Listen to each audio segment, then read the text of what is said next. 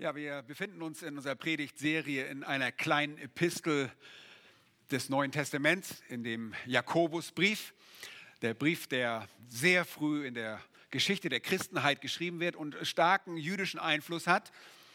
Die Heidenmission hat noch nicht mal so richtig ihren Lauf genommen. Die Missionsreisen lassen noch auf sich warten. Ähm, aber Jakobus, der Halbbruder unseres Herrn Jesus Christus, hat ein großes Anliegen er schreibt den zum Glauben gekommenen Juden. Und er möchte ihnen Gewissheit darüber geben, ob ihr Glaube wirklich ein rettender Glaube ist. Und so gibt er ihnen anhand der verschiedenen Textabschnitte bestimmte Prüfkriterien in die Hand, damit sie prüfen können, ob der Glaube, den sie hatten, sie bekannten sich alle zu Christus, aber ob dieser Glaube wirklich ein rettender Glaube war.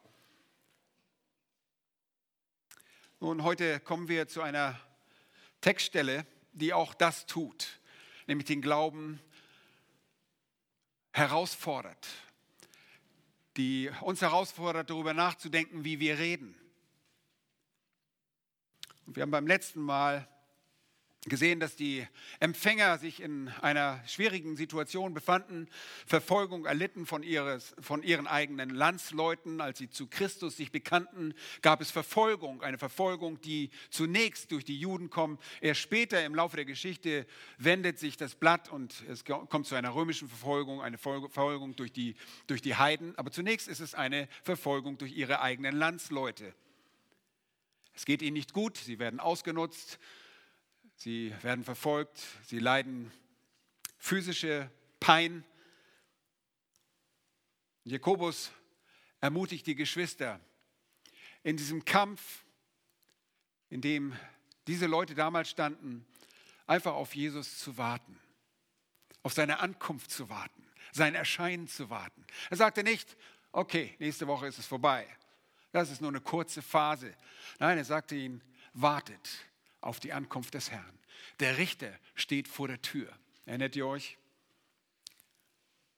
Nun, jetzt kommt ein Vers, der scheinbar überhaupt nicht in den Kontext passt, aber es gibt doch eine Verbindung. Und ich lese in Jakobus Kapitel 5, Vers 12, den einen Vers, den wir heute betrachten. Da heißt es, vor allem aber, meine Brüder, schwört nicht, weder bei dem Himmel noch bei der Erde noch bei irgendeinem anderen Eid. Es sei aber euer, euer Ja ein Ja und euer Nein ein Nein, damit ihr nicht unter ein Gericht fallt. Und der gefallene Mensch, der natürliche Mensch, ist grundsätzlich ein Lügner. Und das wissen wir. Kinder belügen ihre Eltern, Eltern belügen ihre Kinder. Ehemänner belügen ihre Frauen und die Ehefrauen ihre Männer. Leute belügen ihre Arbeitgeber und diese wiederum belügen oft in aller Öffentlichkeit ihre Angestellten. Politiker lügen, damit sie gewählt werden, nur um anschließend ihre Lüge dann im Amt fortsetzen zu können. Menschen belügen die Regierung, wahrscheinlich am häufigsten, wenn es darum geht, Steuern zu bezahlen. Ausbilder lügen, Wissenschaftler lügen und die Beschäftigten unserer Presse lügen. Selbst unsere Friedhöfe und die Kirchen unseres Landes sind zu Orten der Lüge geworden. Und unsere ganze Gesellschaft ist auf ein Gerüst von Lügen gebaut. Und zu Recht kann man sich fragen, ob sie diese Gesellschaft überleben würde, wenn jeder nur für einen einzigen Tag die Wahrheit sprechen würde. Sie würde auseinanderfallen. Dass wir in einer Welt der Lügen leben, sollte niemanden, der die Schrift kennt, überraschen. Und die Schrift bezeichnet die nicht wiedergeborenen als Kinder des Teufels, welcher wiederum der Vater der Lüge ist. In Johannes Kapitel 8, Vers 44 sagt Jesus zu den Juden, ihr seid aus dem Vater, dem Teufel. Und die Begierden eures Vaters wollt ihr tun. Jener war ein Menschenmörder von Anfang an und stand nicht in der Wahrheit, weil keine Wahrheit in ihm ist. Dann sagt Jesus, wenn er die Lüge redet, so redet er von seinem eigenen. Denn er ist ein Lügner und ein Vater derselben. Und diese grundsätzliche Unehrlichkeit hat dazu geführt, dass man sich gegenseitig Schwöre und Eide auferlegte, in einem vergeblichen Versuch, den Menschen zur Wahrheitsrede zu zwingen. Beide Formen dieser Beteuerungsformeln, die einfachen und die komplexeren, solche, die wir bei Kindern finden oder solche, die wir bei Sekten und Organisationen oder Straf- und Zivilprozessen antreffen, werden aufgrund der menschlichen Unehrlichkeit gefordert. Nun, die Juden haben schon sehr, sehr früh in der Geschichte nicht nur dem Alten Testament gemäß geschworen, sondern entwickelten eine falsche, eine sehr verleitende Schwurpraktik, indem sie bei allem und nichts schworen und damit ihre Wahrheitsabsicht äh, wollten sie damit beteuern. Sie taten allerdings eine Sache. Sie vermieden es, im Namen des Herrn zu schwören. Sie wollten nicht im Namen Jahwes schwören. Nun, die Sitte des Schwörens war auch zu biblischen Zeiten ein Hauptbestandteil des Lebens, besonders im Judentum. Und es war sogar zum Thema in der Gemeinde, besonders in den jüdisch geprägten Gemeinden, zu denen Jakobus jetzt schreibt. Und da das Schwören ein wesentlicher Bestandteil in der jüdischen Gesellschaft war, brachten jüdische Gläubige diese Praktik mit in die Gemeinde hinein. Und für die Gemeinde ist diese Praktik allerdings überflüssig. Sie ist in der Versammlung von Christ, Christus gläubigen Menschen nicht notwendig. Nun, warum ist das so? Weil das Reden der Gläubigen immer in Wahrheit geschehen und ehrlich sein soll. Das lesen wir in Epheser Kapitel 4, Vers 25, Kolosser 3, 29. Ich lese diese Verse.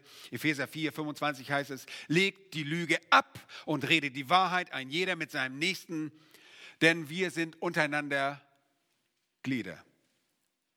Kolosser 3, 29, belügt einander nicht, da ihr den alten Menschen mit seinen Handlungen ausgezogen habt. Christen sollen mit ihrem Leben Integrität zeigen und mit ihrer Rede Glaubwürdigkeit darstellen.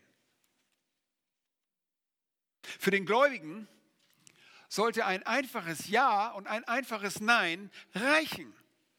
Denn das Wort eines Christen entspricht seinem neuen Wesen und deshalb ist es zuverlässig und deshalb ist sein Wort wahr. Nun, um die Gläubigen zu ermutigen, sich mit der Wahrheit entsprechend von der Welt zu unterscheiden, ermahnt Jakobus sie hier in unserem Text der Schwören zu beenden. Es zeigt uns in äh, diesem Befehl, er zeigt uns vier Aspekte in diesem Befehl, die wir heute Morgen einmal unter die Lupe nehmen wollen. Ihr könnt gerne mitschreiben. Erstens die Priorität dieser Ermahnung. Zweitens die Limits oder Begrenzung dieser Ermahnung. Und ich wiederhole das alles noch gleich, keine Panik. Die Anweisung bezüglich dieser Ermahnung und viertens die Motivation für die Ermahnung. Nun auch euch will ich mit Jakobus heute Morgen auffordern, beende die mit leichtfertigen Beteuerungsformeln untermauerten Versprechen. Ich sage es nochmal. Beende die mit leichtfertigen Beteuerungsformeln untermauerten Versprechen. Mit anderen Worten, sprich einfach die Wahrheit. Warum? Achtet einmal auf die Priorität dieser Ermahnung. Punkt 1, die Priorität dieser Ermahnung.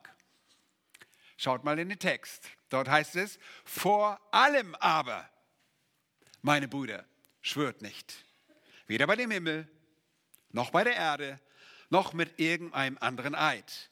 Es sei aber euer Ja ein Ja und euer Nein ein Nein, damit ihr nicht unter ein Gericht fallt. Hier steht also, vor allem aber. Und wenn wir das sagen, wenn wir sagen vor allem aber, dann ist das wohl eine Priorität, oder? Ihr erzählt euren Freunden alle möglichen Geschichten. Vor allem wollte ich dir aber noch sagen, ein neues Thema. Das Wort aber zeigt zu dem vorausgehenden Abschnitt einen stattfindenden Übergang an. Es leitet ein neues Thema ein. Dieses aber.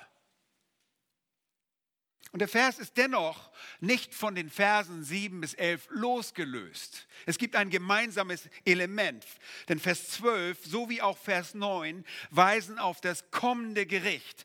Das Gericht verbindet diese beiden Abschnitte. Man, könnte meinen, dass das Thema des Schwörens, weil es nur auf diesen einzigen Vers, auf einen einzigen Vers reduziert ist, nicht so wichtig sei. Falsch falsch. Vor allem aber macht klar, dass diese Ermahnung über allen anderen Ermahnungen steht. Jakobus hatte schon zuvor betont, wie wichtig unsere Rede ist. Und deshalb ist es im Prinzip auch nicht verwunderlich, dass er am Ende seiner Epistel noch einmal auf das Reden zu sprechen kommt.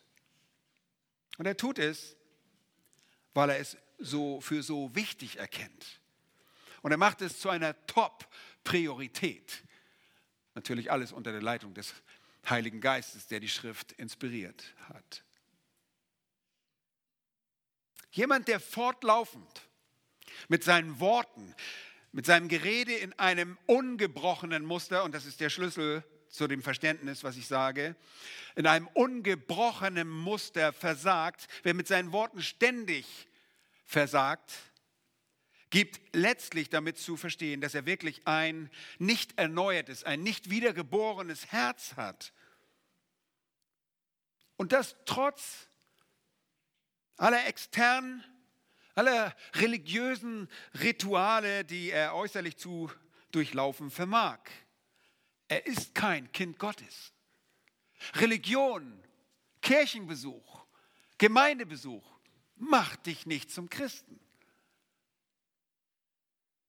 Und du bist auch kein Christ, wenn sich dein Leben, spezifisch dein Sprechen, nicht verändert hat.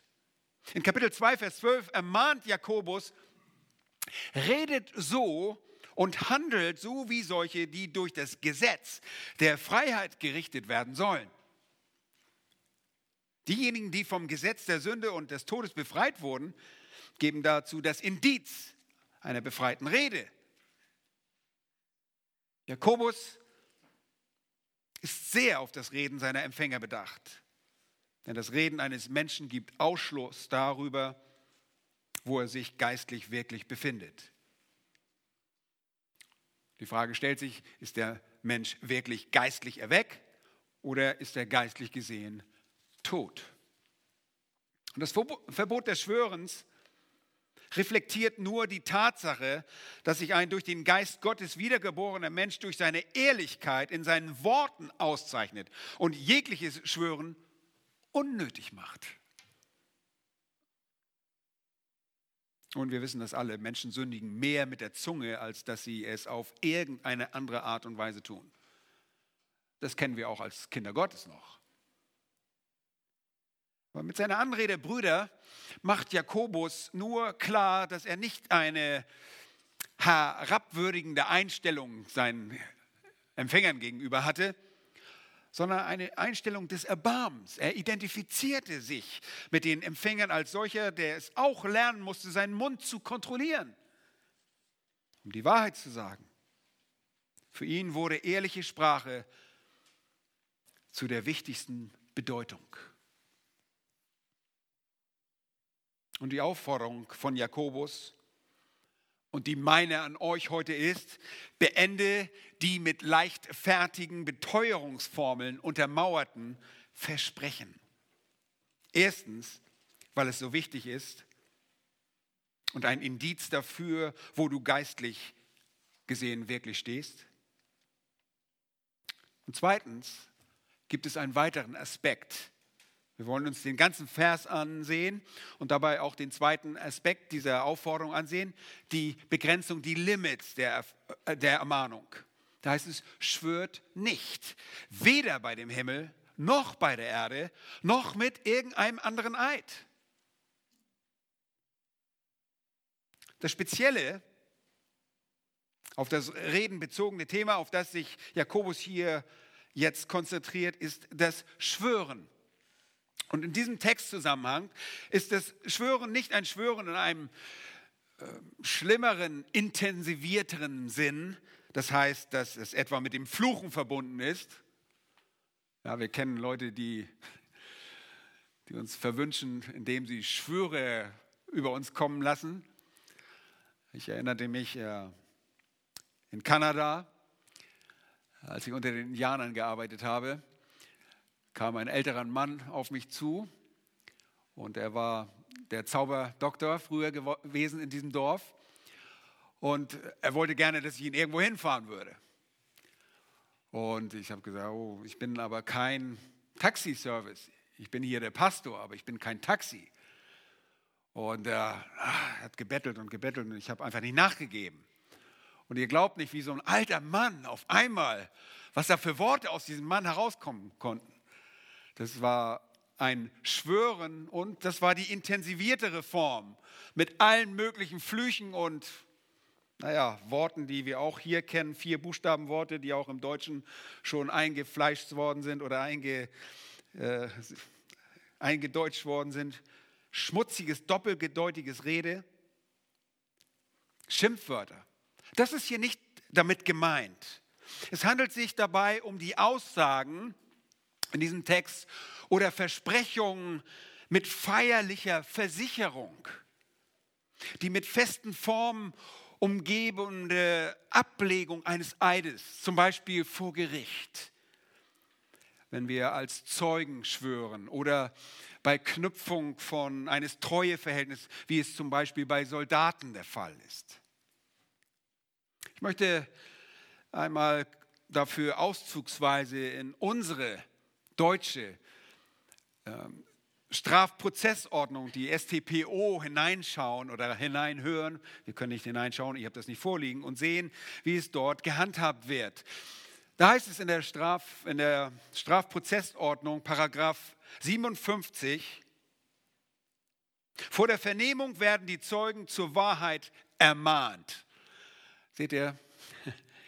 Es hat immer mit der Wahrheit zu tun, die nicht so gewiss ist in dieser Welt. Sie werden zur Wahrheit ermahnt, auf die Möglichkeit der Vereidigung hingewiesen und über die strafrechtlichen Folgen einer unrichtigen und unvollständigen Aussage belehrt. Im Falle der Vereidigung sind sie über die Bedeutung des Eides sowie über die Möglichkeit der Wahl zwischen dem Eid mit religiöser oder ohne religiöse Beteuerung zu belehren. Paragraph 59. Zeugen werden nur vereidigt, wenn es das Gericht wegen der ausschlaggebenden Bedeutung der Aussage, also wenn es etwas ganz Wichtiges, oder zur Herbeiführung einer wahren Aussagung nach seinem Ermessen für notwendig hält. Der Grund dafür, dass der Zeuge vereidigt wird, braucht im Protokoll nicht angegeben zu werden, es sei denn, der Zeuge wird außerhalb der Hauptverantwortung vernommen. Paragraph 64.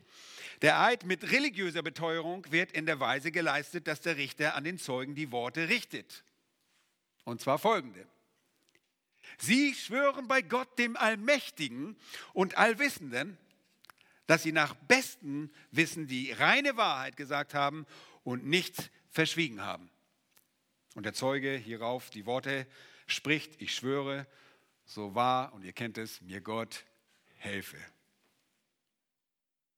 Der Eid ohne religiöse Beteuerung wird in der Weise geleistet, dass der Richter an den Zeugen die Worte richtet.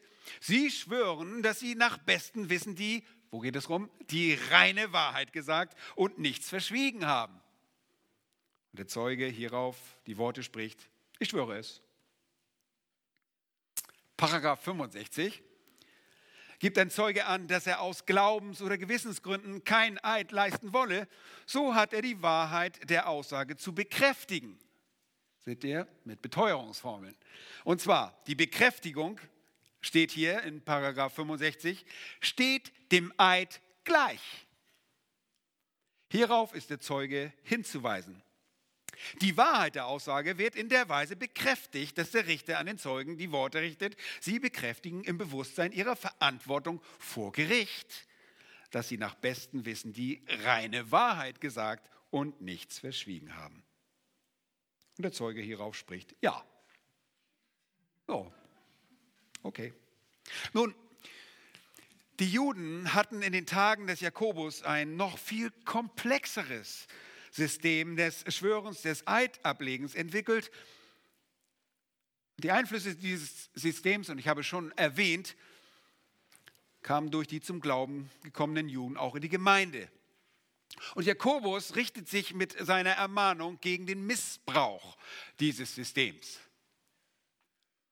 Und das jüdische System des Schwörens hat im Alten Testament seine Wurzeln. Und in einer Zeit, in der es keine schriftlichen Verträge gab, dienten diese Eide gewissermaßen als ein äh, bindendes Element zwischen den Übereinkünften von Menschen. Und ein Eid abzulegen bedeutete, dass man das, was man sagte, wirklich wahr, für absolut wahr hielt. Was war das? Die reine Wahrheit spricht, wie wir es gerade gelesen haben in der Strafprozessordnung. Und dazu wurde Gott sehr häufig zum Zeugen angeführt, um sich damit der Gefahr einer großen Strafe auszusetzen. Sollte das gesprochene Wort nicht wahr sein. Sich auf Gott als Zeugen der gesprochenen Wahrheit zu berufen, bedeutete, dass man ernsthaftes Gericht auf sich ziehen würde, wenn das Versprechen nicht stimmen oder eingehalten wurde. Und die Bibel verbietet nicht, dass man einen Eid ablegt, sondern erkennt vielmehr an, dass es eine, einer mit Lügnern gefüllten Welt manchmal notwendig ist, einen Eid abzulegen. Und deshalb ist es auch nicht verkehrt, in einem Gerichtssaal einen Eid zu leisten. Allerdings, hört gut zu, passt das Schwören nicht in die Gemeinde Jesu. Der Theologe Johannes Schneider hat das einmal sehr gut beschrieben. Zitat Beginn. Das Schwören hat in der christlichen Gemeinde keine Berechtigung, denn es ist nur da nötig, wo die Wahrhaftigkeit nicht mehr als die alles bestimmende Norm vorausgesetzt werden kann. Zitat Ende. Und das ist sehr gut ausgedrückt, obwohl das nicht mehr äh, ein bisschen überflüssig ist. Es gab es nie in der Welt, dass man sich da auf Wahrhaftigkeit verlassen konnte. In der Welt herrscht die Lüge. Und du kannst in der Welt heute keine Wahrheit erwarten. Übrigens auch nicht mit einer Beteuerungsformel. Deshalb ist es so schön, sich in der Gemeinde Jesu zu befinden.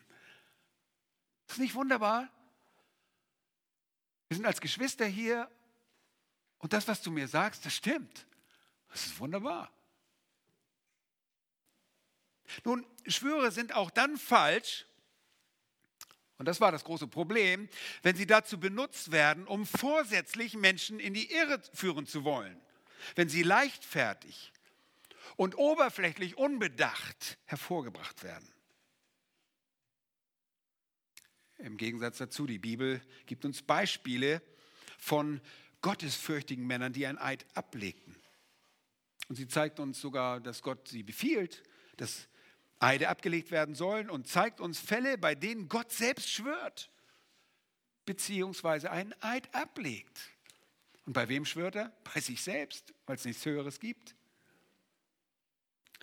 Und da ist zum Beispiel das Ereignis von Abraham und Abimelech im Alten Testament, die einander einen Schwur ableisten.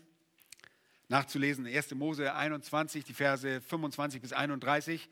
Und falls ihr nicht wisst, die Ortschaft Beersheba, Beersheba, äh, eine Ortschaft im Süden des Landes Israels, wurde so benannt, weil diese beiden einander dort geschworen hatten. In 1. Mose 21, 31 lesen wir, daher nennt man diesen Ort Beersheba, weil sie beide dort geschworen hatten. Abraham leistet einen Eid, Isaak leistet einen Eid, ab mit den Philistern in 1. Mose Kapitel 26, 26 bis 31. Die Hure Rahab legt einen Eid ab in Josua 2, 12 bis 20, sehen wir das. David und Jonathan schwören einander. In Lukas 1, Vers 73 bezieht sich der Eid bezieht sich auf ein, einen Eid, den Gott dem Abraham gegenüber geschworen hat. Von dem können wir im, im ersten Buch Mose auch lesen. In Apostelgeschichte 2, Vers 30 zeigt uns den Eid, den Gott David geschworen hat. Mehrfach sehen wir das in 2. Äh, Samuel Kapitel 7, 1. Chronik 17, Psalm 89 und Psalm 132. Überall sehen wir, dass ein Eid abgelegt wird. In 2. Mose 6, 8 hat Mose den Eid Gottes aufgezeichnet, dass er das Land Israel an Abraham, Isaac und Jakob und ihren Nachkommen geben würde. 5. Mose 28, 9 beschreibt den Eid Gottes den Israeliten gegenüber, dass er sie als ein heiliges Volk für sich absondern würde. Und dort steht, Jahwe wird dich zu einem heiligen Volk für sich erheben, wie er dir geschworen hat, wenn du die Gebote Jahwes deines Gottes hältst und auf seinen Wegen gehst. Nun, indem Jesus bei dem hohen Priester Kaiaphas unter Eid stand, antwortete er im Prinzip als selbst unter dem Eid stehend. Könnt ihr nachlesen, Matthäus 26, 63 und 64. Nun, im Lichte all dieser Wahrheiten, aller biblischen Wahrheiten, sollte der Befehl des Jakobus, schwört nicht als ein generelles, allgemeingültiges Verbot zum Ablegen eines Eides verstanden werden. Das soll es nicht. Eide wurden in ernsthaften Situationen gestattet, aber nur im Namen Gottes. Jakobus verbietet deshalb nicht das Schwören in den Namen des Herrn, sondern hört gut zu, das Schwören beim Himmel und bei der Erde oder irgendeinen anderen Eid. Und der Ursprung des Verbotes, das Jakobus hier anführt, ist die Lehre Jesu in Bezug auf das Schwören in Matthäus 5, 33 bis 37. Ich lese die Verse vor, wenn ihr aufschlagen wollt. Äh, Matthäus 5, 33 bis 37.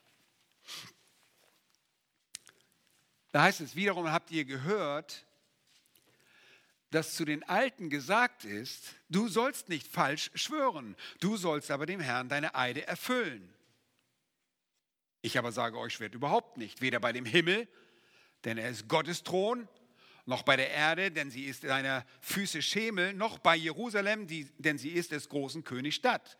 Noch sollst du bei deinem Haupt schwören, denn du kannst nicht ein Haar weiß oder schwarz machen. Es sei aber eure Rede ja, ja, nein, nein. Was aber darüber hinausgeht, ist vom Bösen. Nun, der Satz, der erste Satz, ihr habt gehört, dass zu den Alten gesagt ist, bezieht sich nicht auf die Lehre des Alten Testaments, sondern auf die rabbinische Tradition. Und die Erklärung, du sollst nicht falsch schwören, du sollst aber dem Herrn deine Eide erfüllen, ist augenscheinlich in Harmonie mit der alttestamentlichen Lehre in Bezug auf die Heiligkeit des Eidablegens. Aber nur augenscheinlich. Es gibt da einen Haken. Die rabbinische Lehre besagte, dass nur die feierlichen Versprechen dem Herrn gegenüber bindend waren. Okay? Im Namen des Herrn geschworen sind sie bindend. In ihrem Denken war Gott nur Teil des Eides, wenn sein Name tatsächlich dabei angerufen oder erwähnt wurde. Okay? Deshalb hat man den Namen möglichst nicht ausgesprochen und hat irgendwas anderes eingeführt. Alle anderen Schwüren konnten nach Meinung der Juden verletzt werden. Ja, nur nicht, wenn du im Namen Jahwes geschworen hast, den durftest du nicht verletzen. Und so wurde ihnen das dann auch nicht mal als ein Meineid, das ist ein Falscheid, angerechnet. Und das ist im Prinzip so wie bei uns heute. Wenn Leute ein, äh, in unserer Kultur leichtfertig ein Versprechen geben mit der einfachen Hinzufügung, ich hatte ja meine Finger gekreuzt. Und so haben die Juden das gemacht, indem sie einfach gesagt haben, ich schwöre beim Himmel oder ich schwöre beim Gold des Altars. Nun, in dem Versuch, andere an der Nase herumzuführen, schworen viele Juden beim Himmel, bei der Erde, bei Jerusalem, beim Altar, dem Tempel, dem Vorhang des Tempels. Also die haben sich alles Mögliche ausgesucht. Sogar bei ihren eigenen Häuptern, wie wir gelesen haben. Alles oder nichts.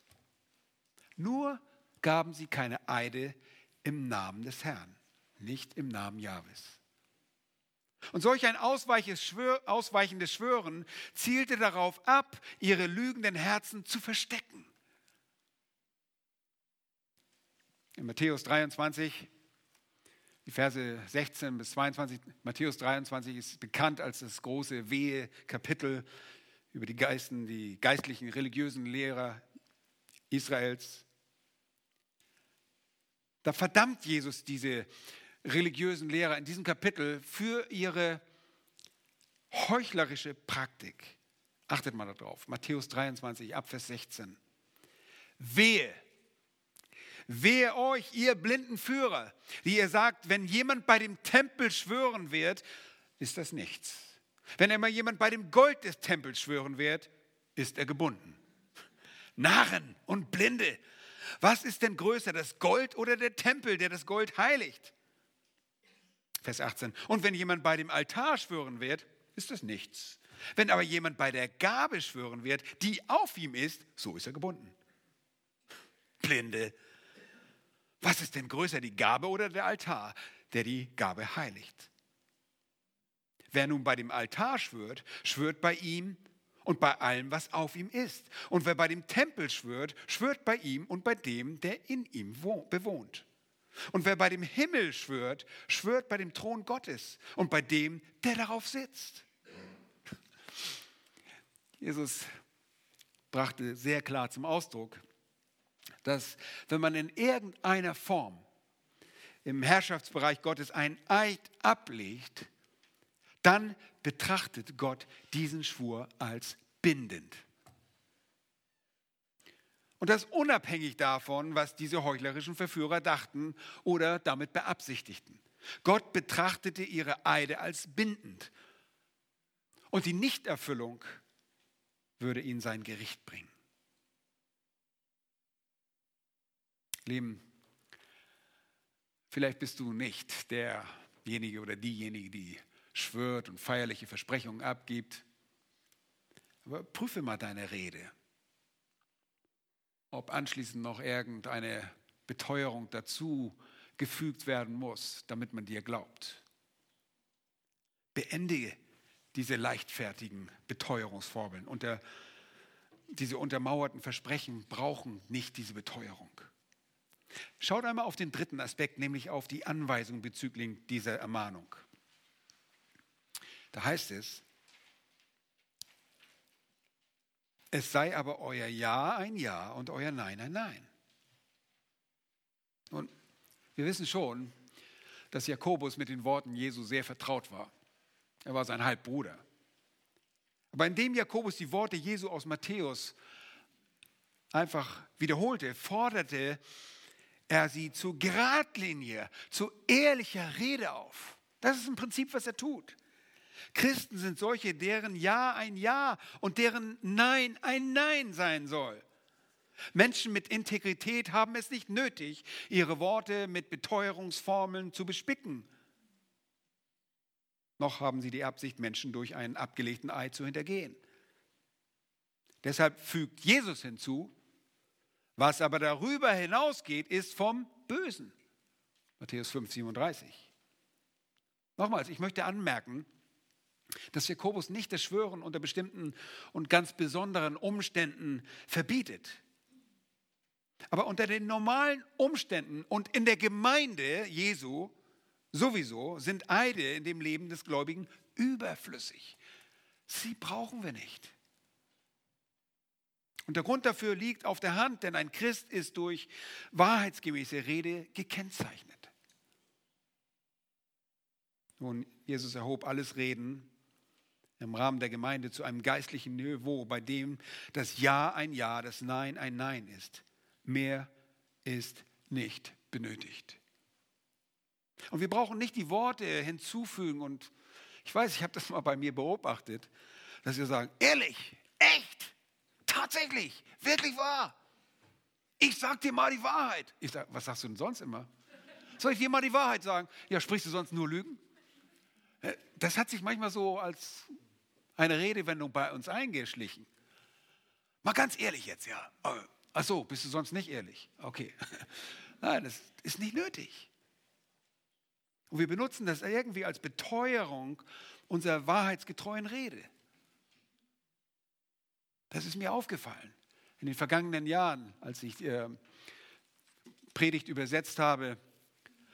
Äh, und meine Übersetzerin hat auch manchmal gesagt, ich sage euch mal ehrlich, oder äh, ich habe das immer geändert. Ich habe gesagt, offen gesprochen. Ich öffne mich euch gegenüber, aber ehrlich bin ich eigentlich immer. Okay, gut, ich gehe gleich noch darauf ein, dass wir nicht immer ehrlich sind, aber äh, das kennzeichnet uns. Wir müssen nicht beteuern und sagen, jetzt, ganz, jetzt, jetzt bin ich mal ganz ehrlich zu dir. Und die Worte des Paulus an die Epheser ermahnen uns noch einmal, Epheser 5, äh 4, 25, legt die Lüge ab, redet Wahrheit, ein jeder mit seinem Nächsten, denn wir sind untereinander Glieder. Und indem der gläubige Mensch in jeder Situation die Wahrheit spricht, wird er als ein Licht in der dunklen Welt voller Lügen scheinen. Leute, das ist so interessant. Ihr braucht dann gar nicht immer reden, denn die Menschen um euch herum, sie werden wissen, dass ihr für die Wahrheit steht. Und ich habe euch äh, schon mehrmals ein Beispiel aus meiner Berufswelt damals erzählt, dass ich habe die Wahrheit geredet, ich habe meinem Chef auch die Wahrheit gesagt. Ich habe gesagt, tut mir leid, ich, die und die Arbeit mache ich nicht, ich betrüge da nicht. Und ja, so hat er mich kennengelernt. Und wenn er dann gelogen hat, sei es am Telefon, dann hat er sich umgedreht zu mir, ohne dass ich was gesagt habe, und hat gesagt, ich musste jetzt lügen. Und ich hatte nichts gesagt. Ihr werdet zu Repräsentanten der Wahrheit durch eure Anwesenheit. Die Wahrheit ist, sie scheint in der Dunkelheit einer Lügenwelt. Deshalb beende die mit leichtfertigen Beteuerungsformeln untermauerten Versprechungen. Es ist sehr wichtig, denn daran erkennen wir Menschen, wer erkennen Menschen, wer wir sind und wer ihr seid. Nun, was ist der Aspekt Nummer vier, die Motivation für die Ermahnung? Da heißt es, damit ihr nicht unter ein Gericht fallt. Als Motivation gegen das falsche Schwören weist Jakobus auf die Konsequenzen der Verletzung eines Eides hin. Solche, die das tun, werden unter das Gericht fallen. Und das mosaische Gesetz warnte in 2. Mose 20, Vers 7, Du sollst den Namen Jahwes, deines Gottes, nicht zu nichtigem aussprechen. Denn Jahwe wird den nicht ungestraft lassen, der seinen Namen zu nichtigem ausspricht. Ein Weg, wie man den Namen Jahwes, den Namen des Herrn missbraucht, ist durch falsches Schwören. Wie schon zuvor betont, sprach Jesus ein Wehe gegenüber den Pharisäern aus, und zwar wegen ihrer falschen Eide. Das Gericht, das hier Jakobus im Kopf hat, im Sinne hat, ist nicht etwa die Züchtigung Gottes von Gläubigen. Es ist das Wort Krisis und wird im Neuen Testament nie benutzt, um Züchtigung der Gläubigen auszudrücken. Dafür gibt es ein anderes Wort, Paiduo, das kommt in 1. Korinther 11, 32 vor und in dem bekannten Kapitel äh, in Hebräer 12, wo es um die Züchtigung der Gläubigen geht. Jakobus gebraucht hier das Wort Krisis. Und so ist auch in Kapitel 2, Vers 13 das Wort Krisis, um Gottes gnadenlose Verurteilung in der Hölle zu beschreiben. Und zwar für diejenigen, die aufgrund von mangelnder Barmherzigkeit beweisen, dass sie nicht wiedergeboren sind. Und ihr Lieben, nicht wiedergeborene Mensch kann seine Rede nicht kontrollieren. Es geht nicht. Wir haben schon über die Zunge gesprochen. Die Zunge ist ein Übel, das, das man nicht zähmen kann. So ist Gericht eine Ankündigung dafür, wenn man den Namen Gottes missbraucht und diese Beteuerungsformeln missbraucht und nicht einhält. Die Evangelien gebrauchen das Wort Krisis mehr als 25 Mal, um einen Urteilsspruch auszudrücken. In Apostelgeschichte 8,33 beschreibt es das Gericht Jesu unter den Händen von Pilatus. Paulus gebraucht es zweimal, um das Gericht Gottes über Sünder zu beschreiben. Und so tut es auch der Schreiber des Hebräerbriefes. Petrus gebrauchte das Wort, um Bezug auf die Verdammung von Sündern am Tag des Gerichts zu nehmen. 2. Petrus 2,9. So tat es auch Judas in seiner kleinen Epistel, seiner ein Kapitel Epistel in Vers 6 und Vers 15. Und auch der Apostel Johannes braucht es im 1. Johannesbrief, Kapitel 4, Vers 17. Ihr Lieben, Jakobus lehr, lehrte mit Sicherheit nicht, dass sich Gläubige niemals mit ihren Zungen ehren oder sie nie mit ihren Zungen sich versündigen. Lieben Christen fallen gelegentlich in die Sünde der Falschheit. Das ist so. Wir sind nicht völlig frei von Sünde.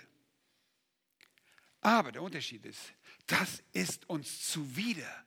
Und wir sind darüber dann zutiefst bedrückt. Und wir reinigen uns. Wir tun Buße darüber. Aber die Lüge ist bei einem Christen nicht ein ungebrochenes Muster.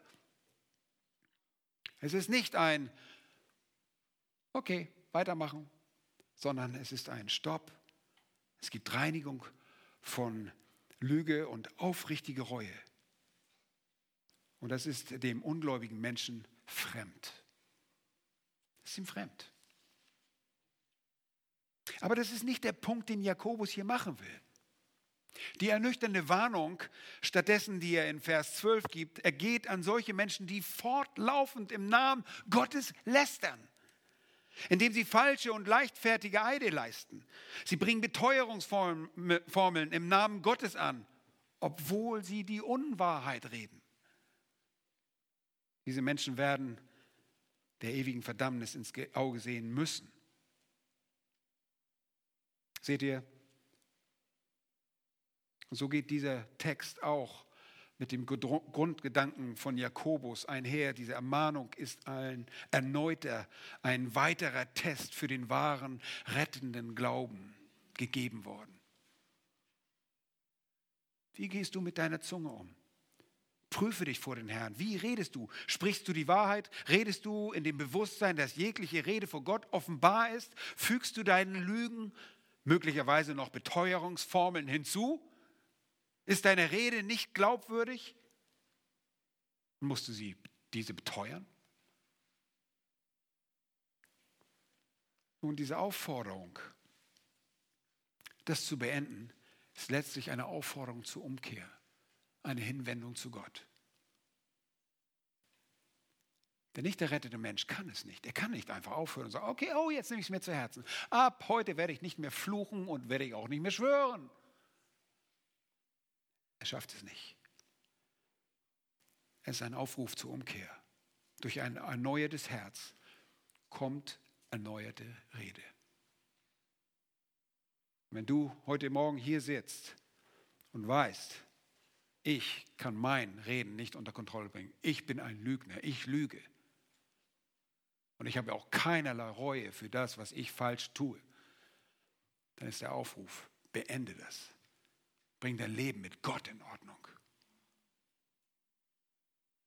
Dafür ist der Herr Jesus Christus gekommen. Er ist für Sünder gekommen. Er ist für Atheisten gekommen. Er ist dafür gekommen, dass du deine Schuld bekennst, denn sie ist real, sie ist wahr. Wir haben das vorhin schon gehört und gesungen. Der Zorn Gottes, der kann nur gestillt werden. In deinem Leben, wenn du glaubst, dass Jesus Christus bezahlt hat am Kreuz auf Golgatha, dass er den Zorn auf sich genommen hat. Deshalb ist er gestorben.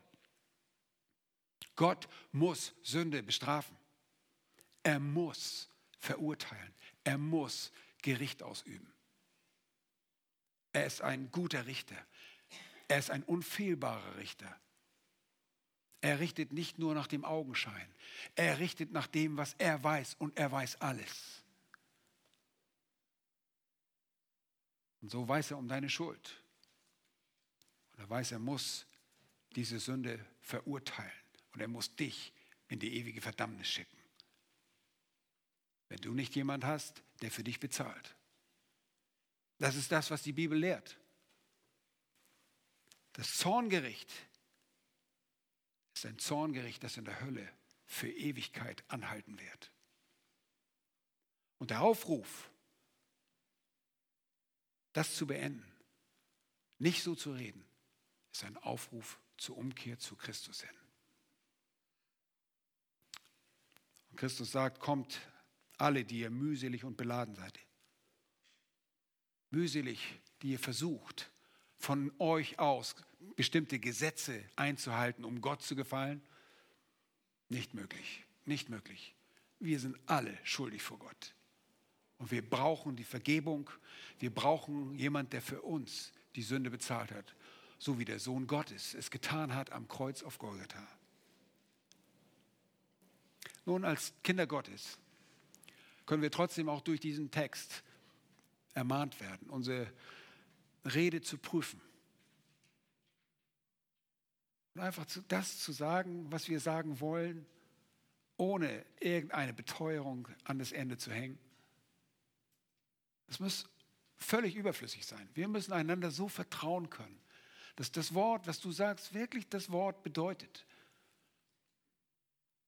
Lass uns darauf acht geben, dass wir unsere Worte weise wählen. Lass uns mit dem Wort Gottes füllen. Denn das Wort Gottes heiligt uns und es heiligt auch unsere Rede. Lass uns zusammen beten. Herr, wir danken dir von ganzem Herzen, dass du die Wahrheit bist, dass wir dein Wort haben. Dein Wort ist Wahrheit. Deine Wahrheit heiligt uns, sie sondert uns ab in einer Welt der Lüge. Herr, danke, dass du auch unsere Falschheit, unsere Lüge vergibst, wenn wir temporär als Kinder Gottes sogar in Lüge fallen. Danke, dass du uns vergibst, dass du für all unsere Schuld gestorben bist, dass du das Zorngericht auf dich genommen hast, am Kreuz auf Golgatha. Wir sind dir so dankbar, dass es keine Verdammnis mehr gibt für die, die in Christus Jesus sind. Herr, und wenn jemand hier sein sollte, der dich nicht kennt, der dich nicht als Retter kennt, bitte ich, dass du in dem Herzen dieser Person arbeitest, ihn zu dir ziehst, die Augen öffnest für deine Wahrheit, damit auch diese Person für dich lebt, zu deiner Verherrlichung. In Jesu Namen. Amen.